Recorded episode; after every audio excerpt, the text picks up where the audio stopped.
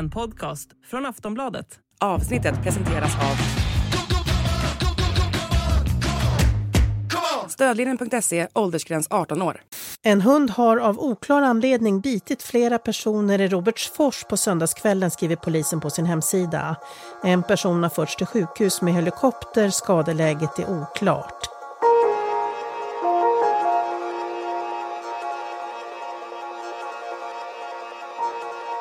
Det var ambulansen som kom först till platsen. En lite ensligt belägen gård i skogen. De lyste upp tomten med bilens strålkastare och bedömde att det var för farligt att kliva ur. En blodig, storvuxen hund, av en ras som ibland kallas kamphund, började cirkulera runt ambulansen och uppfattades vara aggressiv. Ambulanspersonalen såg också människor vid huset som verkade behöva hjälp. Men de fick backa tillbaka och invänta polis. För den svårast skadade var det ändå redan för sent. Det här är Den dödliga hundattacken. Ett avsnitt av podden Aftonbladet Krim. Jag heter Anders Johansson.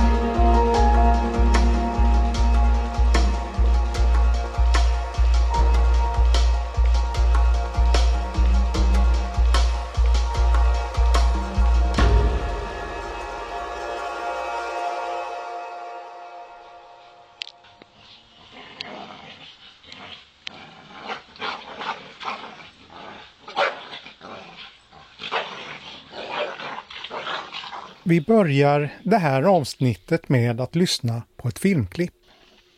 Det föreställer två kraftiga hundar som kämpar mot varandra. Just det här klippet tycks inte handla om en kamp på liv eller död. Vissa kanske skulle hävda att det bara är en helt oskyldig och naturlig lek. De här hundarna kämpar och drar i varsin ända av en blå repstump med knutar på. Ingen av dem vill ge upp.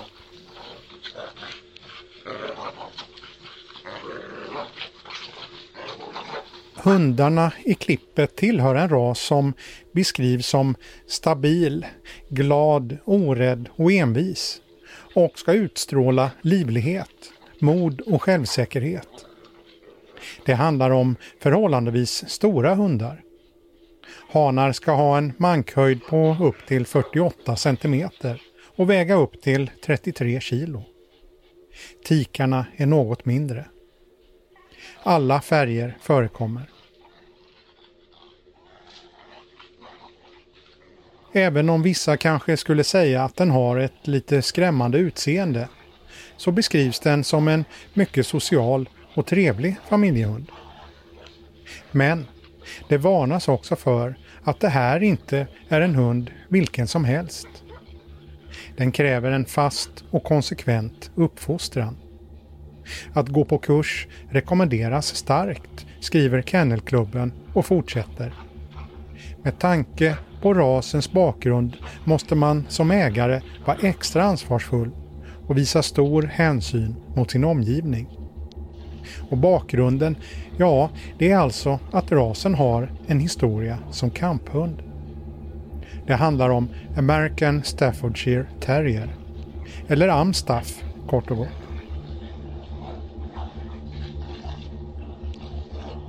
Det är en sån hund som står i centrum i den här berättelsen. En berättelse som slutar med dödlig utgång.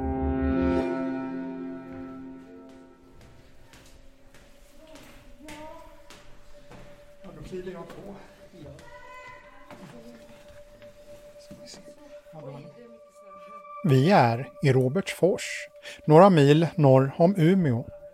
Det är vinter och trakten har fått utstå ett rejält snöoväder. En gul varning från SMHI. Vi har precis varit och handlat pizza och går uppför trapporna till en lägenhet. Här bor en ung kvinna som varit med om några mycket omskakande upplevelser som hon vill berätta om.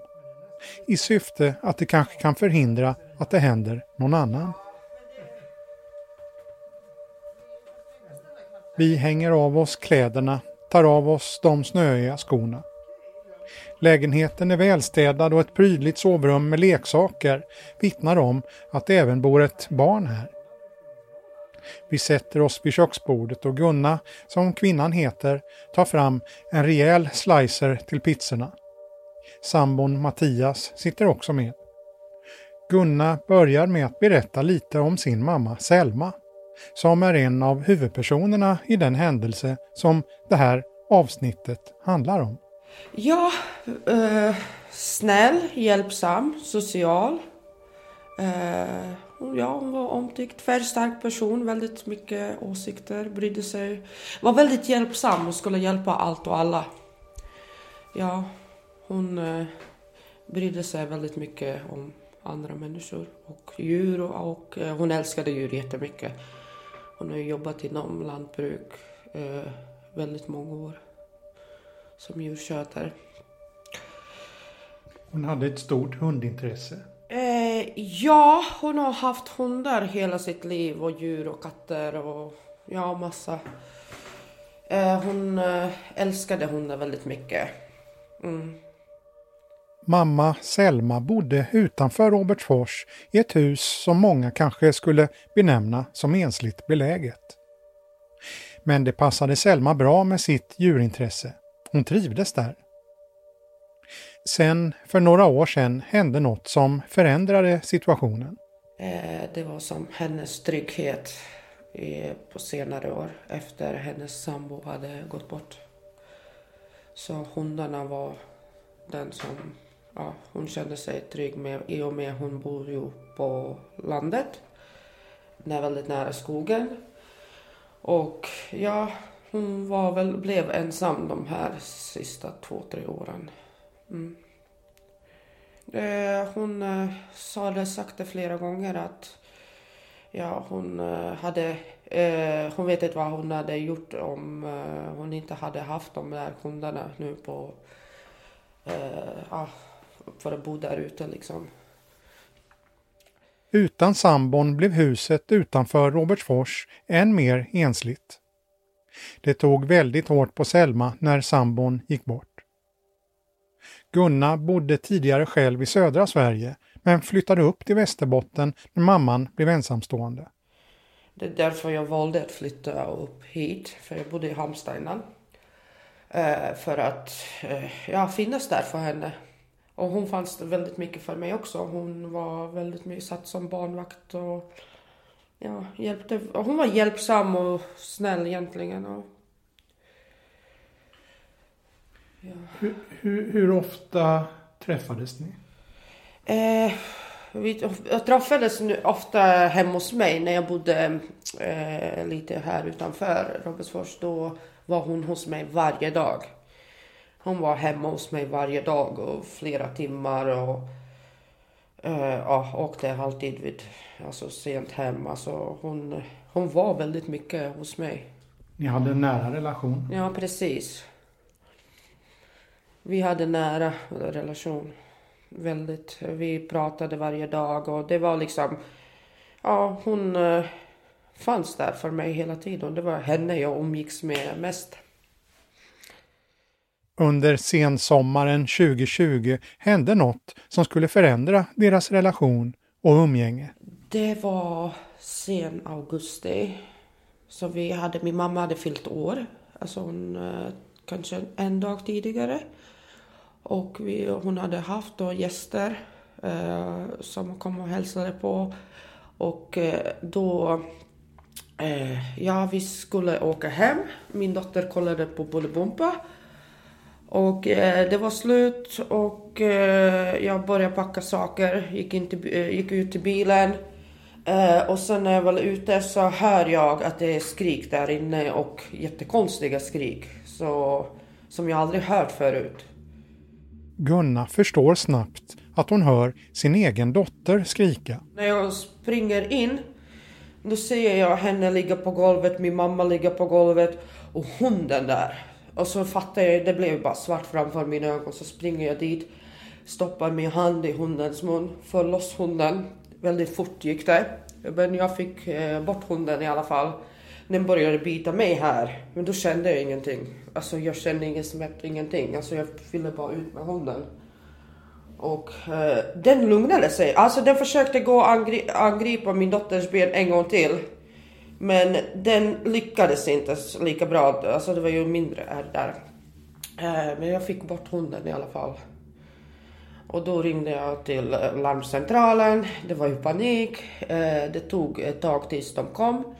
De skickade två bilar. En var från Skellefteå och en var från Umeå. Så de åkte samtidigt.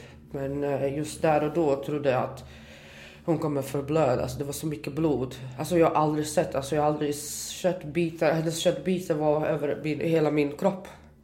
Och det var så illa. Alltså det har jag, alltså där och då såg jag liksom den där döden. Och jag håller om henne famnen och hon håller på att svimma av och... Men, ja, förlorade väldigt mycket blod. Ja, det var hemskt. Väl när jag eh, kom på till eh, sjukhuset, eller polisen kom dit, då första jag skrek alltså, har ni avlivat hunden? Det första, första, första jag frågade, vart är hunden? Har ni tagit bort den? Har ni skjutit den? Nej, eh, det kan, kunde de inte svara på. De hade typ inte gjort någonting. Hunden hade varit lugn och snäll och lekt med dem när de var där. Så det var ju konstigt. Så de tog inte den beslutet. Attacken gjorde att relationen mellan Gunna och hennes mamma Selma förändrades. De umgicks aldrig hemma hos Selma på grund av hunden. Gunna ville att hunden skulle avlivas, men så blev det inte. Två år senare hände det igen.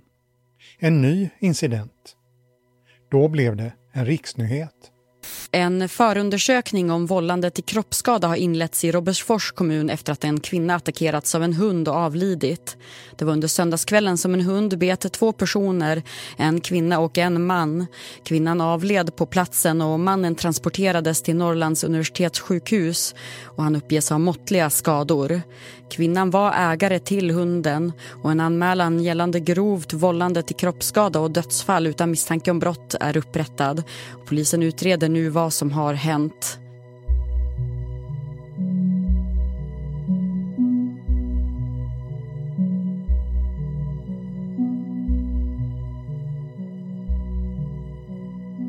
Det här avsnittet ska handla om hur kärlek till en hund, ofta kallad människans bästa vän, kan få ödesdigra konsekvenser. Det ska också handla om hur myndigheterna sköter sin tillsyn och hur hundattackerna i samhället utvecklas. Ägare till hundar har ett strikt ansvar för vad ens hund gör och i det här fallet ledde det till en polisutredning om grovt vållande till kroppsskada. Allt börjar en sen oktoberkväll 2022. Ja, det är vid 21.30-tiden den 23 oktober förra året som en person ringer in till SOS Alarm och berättar att flera personer har blivit attackerade av en hund i en by utanför Robertsfors. Det här är Nils Jonsson, reporter på tidningen Västerbottens-Kuriren som följt det här fallet sedan dag ett. Och inledningsvis råder det oklarheter exakt vad som har hänt och polisen tror först att det handlar om att det är två personer som är avlidna. Senare visar det sig att det är en person som är avliden och en person som blivit biten i benet av den här hunden. Och de som får plats i den här bostaden den här aktuella kvällen är dels hundägaren Selma och hennes hund som är av rasen Amstaff och heter Papi. Och sen är det två vänner till hundägaren Selma som är där på besök.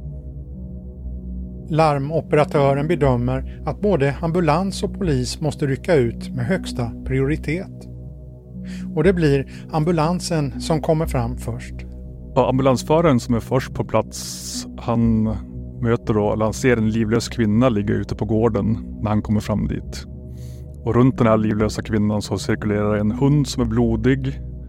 Hunden upplevs väldigt aggressiv och gör sedan utfall mot ambulansfordonet. Vilket får konsekvensen att ambulansföraren inte vågar lämna sitt fordon utan istället backar ut från gården för att invänta polis. Det är för farligt att gå ur ambulansen. På larmcentralen bedöms också att polisen behöver sända specialistkompetens för att ambulansen ska kunna göra sitt jobb. Alltså skickar polisen ut flera patruller till platsen, bland annat en hundförare från Umeå. Och hundförarens uppdrag är initialt att åka fram till platsen bara för att bilda sig en uppfattning om vad som har hänt med anledning av att han har kompetens inom hundar då. Och på vägen fram till platsen så är det ganska svårt att få tag på Länsstyrelsen har han berättat för oss. För att det är Länsstyrelsen som kan ta beslut om hunden ska avlivas eller inte. Det är inte polisen som ska ta det beslutet. Precis när hundföraren svänger in på gården får han beslutet att hunden ska avlivas. Och det är alltså polisen som ska utföra avlivningen så snart det går. Och när den här hundföraren då anländer till platsen så har några kollegor till honom redan kommit dit och han rådfrågar dem då om det är någon av dem som vill ta på sig uppdraget att skjuta hunden. Men det är inte någon, ingen som vill och då blir det istället han själv som får utföra avlivningen. Det här kommer bli långt ifrån en enkel uppgift. Inte ens för en erfaren hundförare från polisen. När hundföraren ska lokalisera hunden ser han att några i huset försökt bistå honom. Det som har hänt innan då är ju att en av Selmas vänner har, efter att Selma blivit attackerad, så lyckas den här vännen locka in hunden in i bostaden igen och stänga in den i ett rum. Så hunden är instängd i ett rum inne i bostaden när poliserna kommer dit. Utanför dörren står några från polisen och håller emot dörren så att inte hunden ska kunna ta sig ut. Hundföraren som fått i uppdrag att avliva hunden går runt huset. För att bilda sig en uppfattning och om att kunna se in i det här rummet och utifrån. Och då ser han först hunden stå och hoppa där inne i det här rummet och liksom skäller mot honom genom det här fönstret då. Och han tänker först att han kanske ska skjuta hunden genom fönstret. Men det vill han inte eftersom det kan bli ja, mycket svårare att träffa den genom fönstret. Så han bestämmer sig för att gå tillbaka till dörren som poliserna tidigare hållit för. Han gläntar lite på dörren för att se om hunden lugnat ner sig. Och hunden är då väldigt uppjagad och hoppar runt där och det är liksom inte läge att bara skjuta den så han stänger dörren. Hundföraren bestämmer sig för att vänta ett tag så att den instängda hunden ska lugna ner sig. Och sen öppnar han dörren på nytt efter en stund senare och då har hunden lagt sig på en säng inne i rummet.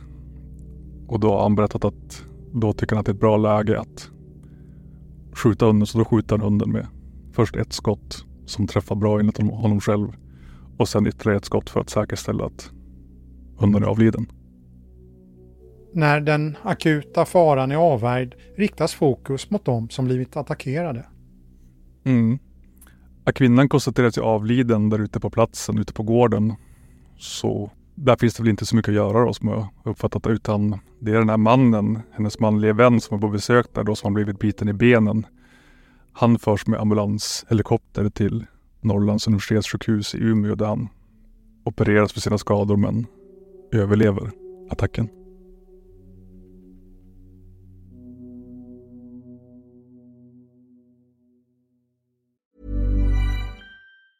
If you thought the only way to get a more defined jawline with natural looking results was through surgery, think again. Juvederm Volux XC is a non surgical injectable gel filler that improves moderate to severe loss of jawline definition and can help you achieve natural looking results with little downtime. Even better, this improved definition lasts up to one year with optimal treatment. No maintenance required. Improve jawline definition for a smooth, sculpted look with Juvederm Volux XC. For important safety information and to find a licensed specialist, visit juvederm.com. That's J U V E D E R M.com. Not for people with severe allergic reactions, allergies to lidocaine, or the proteins used in Juvederm. Common side effects include injection site redness, swelling, pain, tenderness, firmness, lumps, bumps, bruising, discoloration, or itching. There's a risk of unintentional injection into a blood vessel, which can cause vision abnormalities, blindness, stroke, temporary scabs, or scarring. Talk to a licensed specialist to find out if it's right for you. Inne i Robertsfors, 20 minuters bilresa från Selmas hus, bor Gunna, kvinnan som vi träffade i början av det här avsnittet. Sent den här söndagskvällen börjar hon göra sig redo för att gå och lägga sig. Då börjar hennes mobil att vibrera. Det är hennes syster som ringer. Och då var jag på väg att lägga mig. Och jag svarade inte henne, jag klickade ju bara. Det var ju, alltså för jag tänkte att det är söndag, jag ska upp tidigt. Alltså ja, vi kan prata imorgon. Så jag liksom ignorerade. Och då när hon... Eh, eh, jag har klickat hennes samtal några gånger. För, och det var ju konstigt för hon ringer ju inte så här egentligen får ingenting heller. Men så jag orkar inte nu, jag är trött.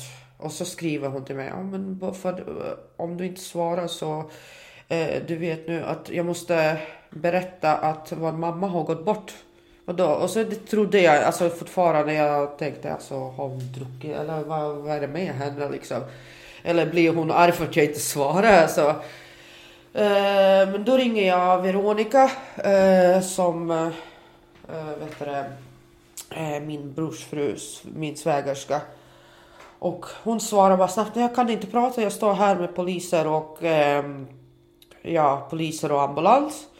Men då tänker jag fortfarande hon kanske är biten, alltså hon kanske inte är död, alltså hon kanske är körd till sjukhus och sånt. För att först när nyheterna, de första, första, första som kom, det står ju bara att eh, det är två bitna och någon är till sjukhus. Det är det första, men eh, sen ringer jag tillbaks med Veron, vi har kontakt och eh, ja, då säger hon att eh, jag frågar, är, är, är, blev alltså, min mamma död? Hon bara, ja tyvärr. Alltså det... Ja, det var ju en konstig känsla. Det var svårt att ta in det.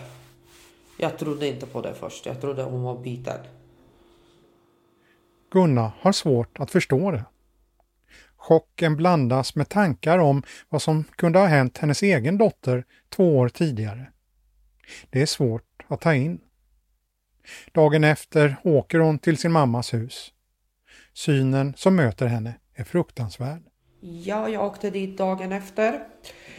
Och då var ju reportrar där så jag som liksom går dit och alltså, ser blod. Alltså då var ju där och ser dem också igen. Jag ser de där köttbitarna eller vad det är. Från, alltså ligger över hela. Och ser någon strumpa som försökt stoppa blödningen i. Och, Eh, ja, och sen öppnar jag dörren, går in, jag ser väldigt mycket blod. Det är som att det ser ut som att det är mord där inne. Alltså hon måste ju ha blivit biten där inne för det är hela väggen nästan upp till taket. Alltså det är blod överallt i alla rum. Ja, det är hemskt. Eh, och ja, jag ser också där i sängen, det måste ha börjat. Och ja, och sen har det fortsatt som hela vägen ut, ner till trappan. Gunna dokumenterade scenen med sin mobil. När vi sitter och pratar tar hon fram och visar bilderna hon tog hemma hos sin mamma dagen efter den dödliga attacken. Det ser ut som något taget ur en skräckfilm. Ja, men det här var ju från hennes trapp, ser du. Det är de här, alltså det är, de vita är ju från hennes kropp. Ja, nu tittar vi här på, på trappan. Där. Ja. Oj, oj, oj. Precis. Det köttbitarna här ligger. Och det var jättejobbigt i och med det var ju tidningar och ser du hon har försökt. Det var ju hennes strumpa som jag hittade. Mm. Ah, så jag fick vara där och tvätta bort allting men fruktansvärt. Ja, det önskar jag inte till någon.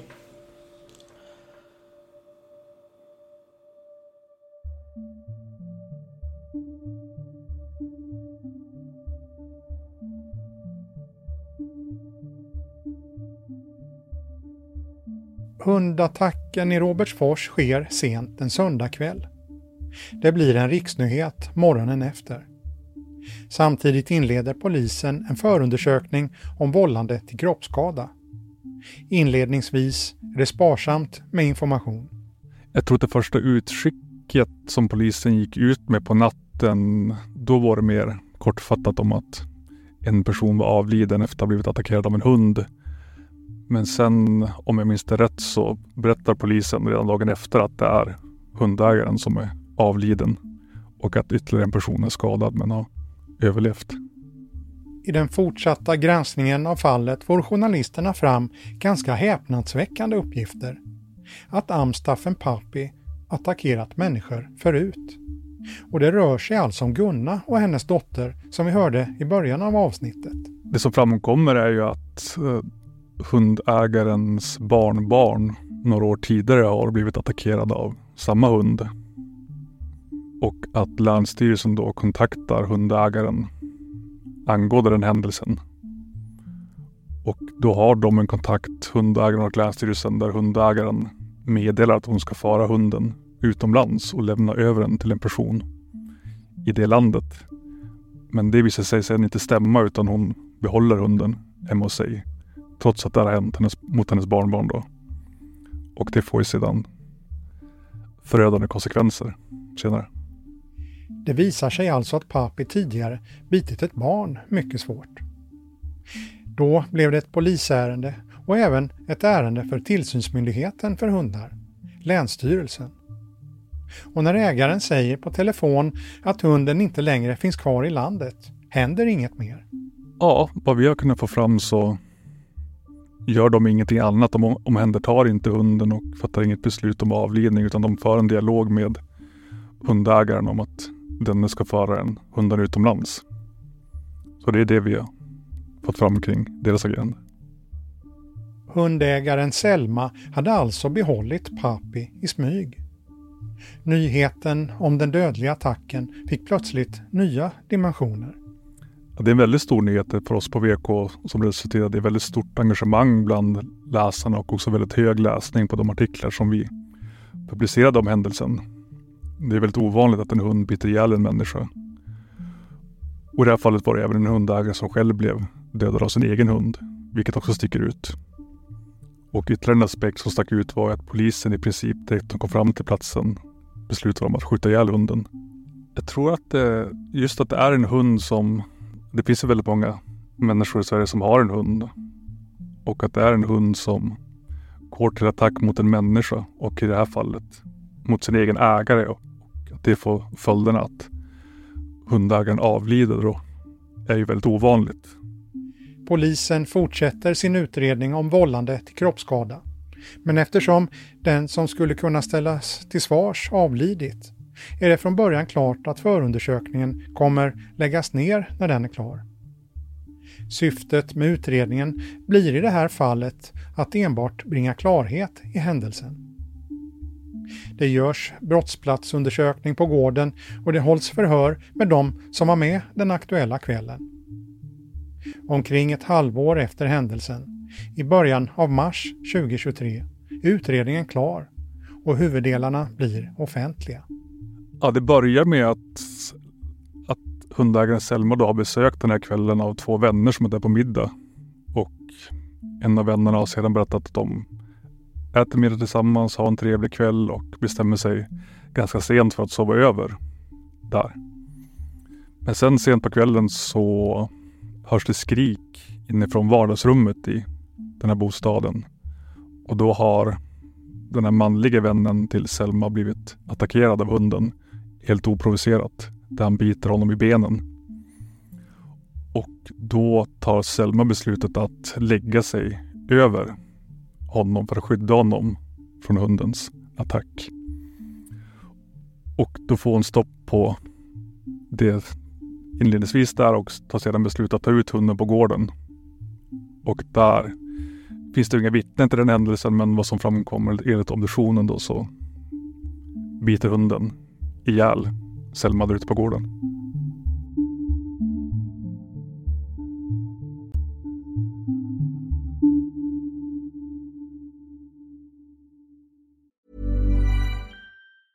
Ruby Frankie was known by millions as a very tough mom. That's exactly the way she wanted it. The social media star amassed a huge following of supporters and detractors alike, preaching the values of strict discipline. But you'll learn in a new podcast available exclusively on Wondery Plus how the small empire built by this momfluencer crumbled the moment her 12-year-old son escaped their home and called 911. Wondery and Law and Crime bring you the new podcast The Rise and Fall of Ruby Frankie, which explores the allegations of starvation, torture, and emotional abuse leveled against Frankie and her business partner, Jody Hildebrandt. Learn about the family's path to stardom, the depravity investigators uncovered inside the home, and hear in depth analysis of the ongoing criminal trial. Listen to the rise and fall of Ruby Frankie exclusively and ad free on Wondery Plus. Join Wondery Plus in the Wondery app or on Apple Podcasts. En kvinnlig hundägare blev ihjälbiten av sin egen hund. Samma hund hade två år tidigare bitit hennes barnbarn. Hur vanligt är det egentligen att hundar attackerar människor? Hur ser utvecklingen ut? En som vet mycket om det här är forskaren Andreas Svensson vid Linnéuniversitetet i Kalmar. Han är docent i evolutionär ekologi och hans forskning handlar om beteendestrategier hos djur. Bland annat har han studerat hur främmande fiskarter utvecklas när de invaderar våra vatten och vad som påverkar djurs strategier för aggressivitet.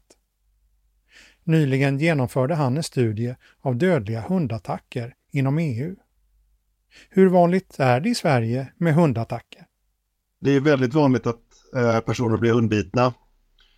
Eh, det är hundratusentals fall, men eh, allvarliga skador är betydligt mer sällsynta och ännu mer sällsynta är ju eh, skador med dödlig utgång då förstås, tack och lov.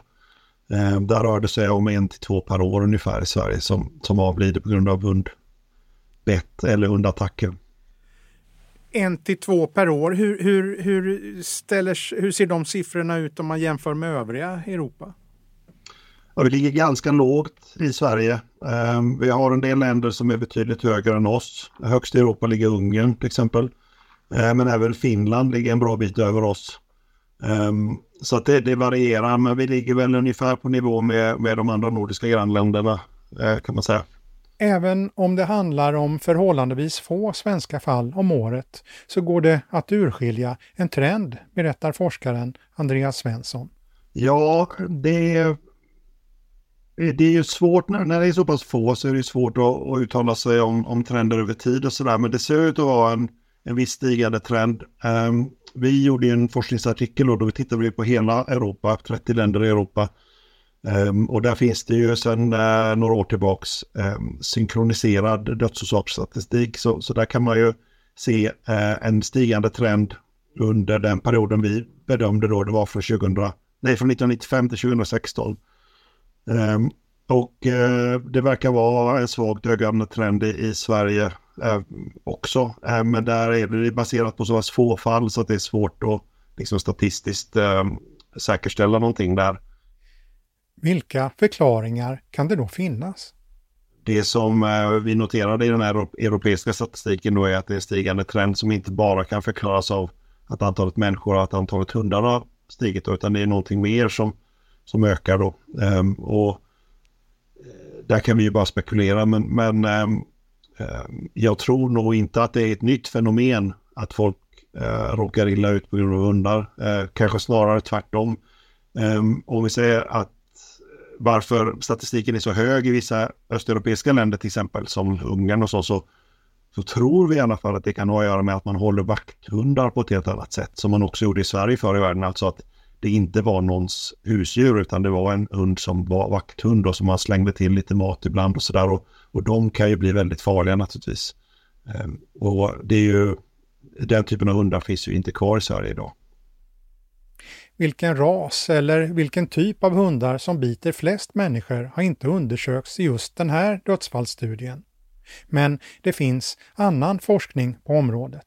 Det är ju så att alla hundar kan ju bita någon, men det är ju de här riktigt svåra skadorna det är det ju vanligare att det är en lite större hund som har mer muskelkraft och mer eh, eh, vikt, alltså tyngd. Eh, det finns en amerikansk studie som visar att eh, hundar över 25 kilo till exempel ehm, är kraftigt överrepresenterade just när det är dödlig utgång. Och det är ju egentligen inte så svårt att förstå det, för det, det måste ju till en hel del ehm, muskelkraft för att kunna få en kull och bita ihjäl en person förstås. Tidigare har det varit mycket diskussion kring de hundar som brukar kallas kamphundar. Inte bara i Sverige utan även i våra grannländer. Danmark till exempel har ju förbjudit vissa typer av, ja, vissa typer av hundar då. Eh, med udden riktat mot det som brukar kallas för kamphundar. Eh, det är lite av en djungel att ge sig in i för det så handlar det om hur man definierar vad en ras är eller en typ av hund. Eh, där kan man vara oense. Sen handlar det om renrasighet då, där vissa menar att det bara, man kan bara uttala sig om en hunds ras om den är fullständigt renrasig och med i, i kennelklubbens register och så vidare, alltså några stamtavlor och så, annars så är det, tillhör den ingen ras alls. Um, så att när man börjar ge sig in i det där så beroende på vad man har för ståndpunkt då, vad man har för åsikter så, så väljer man att tolka statistiken väldigt olika. Uh, och det, det kan vara svårt att komma fram till någonting som alla är överens om är sant där tyvärr. Utan det blir väldigt mycket en debatt som är färgad av vad man har för ståndpunkt. Eh, om man är för eller emot en viss typ av hund då.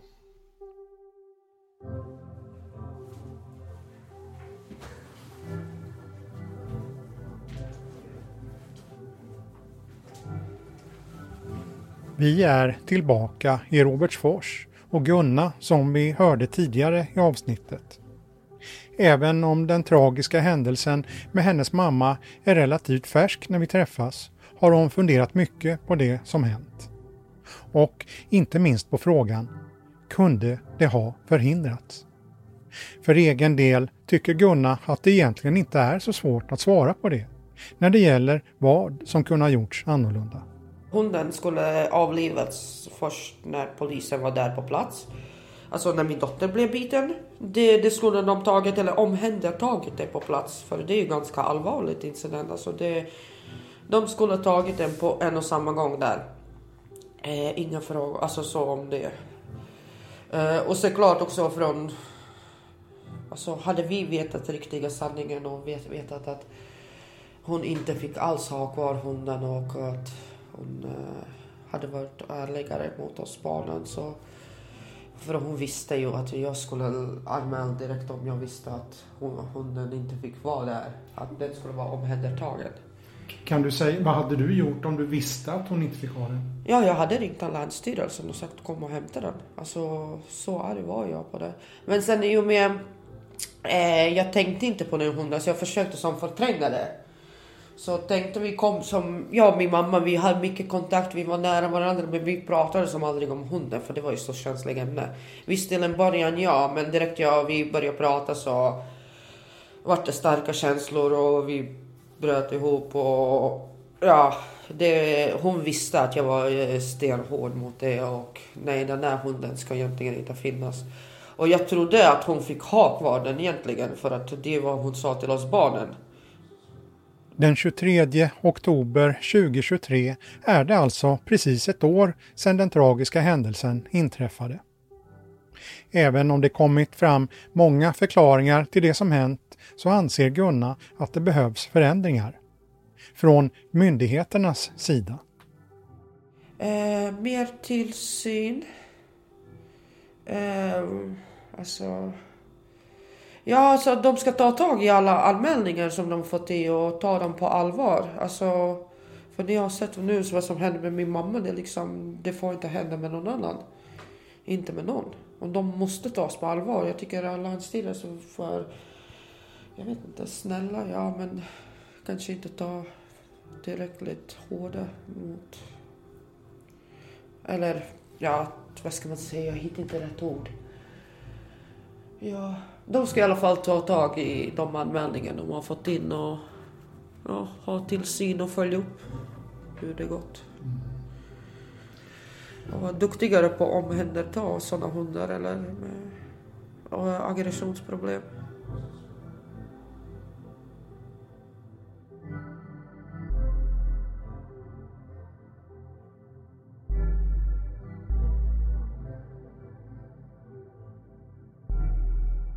Du har lyssnat på ett avsnitt av podden Aftonbladet Krim. Klippen i programmet kommer från Sveriges Radio. Producent var Marcus Ulfsand. Jag heter Anders Johansson.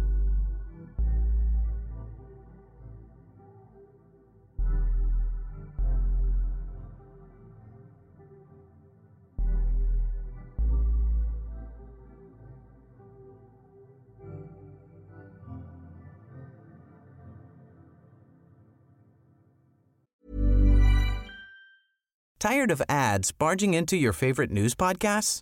Good news. Ad-free listening is available on Amazon Music for all the music plus top podcasts included with your Prime membership.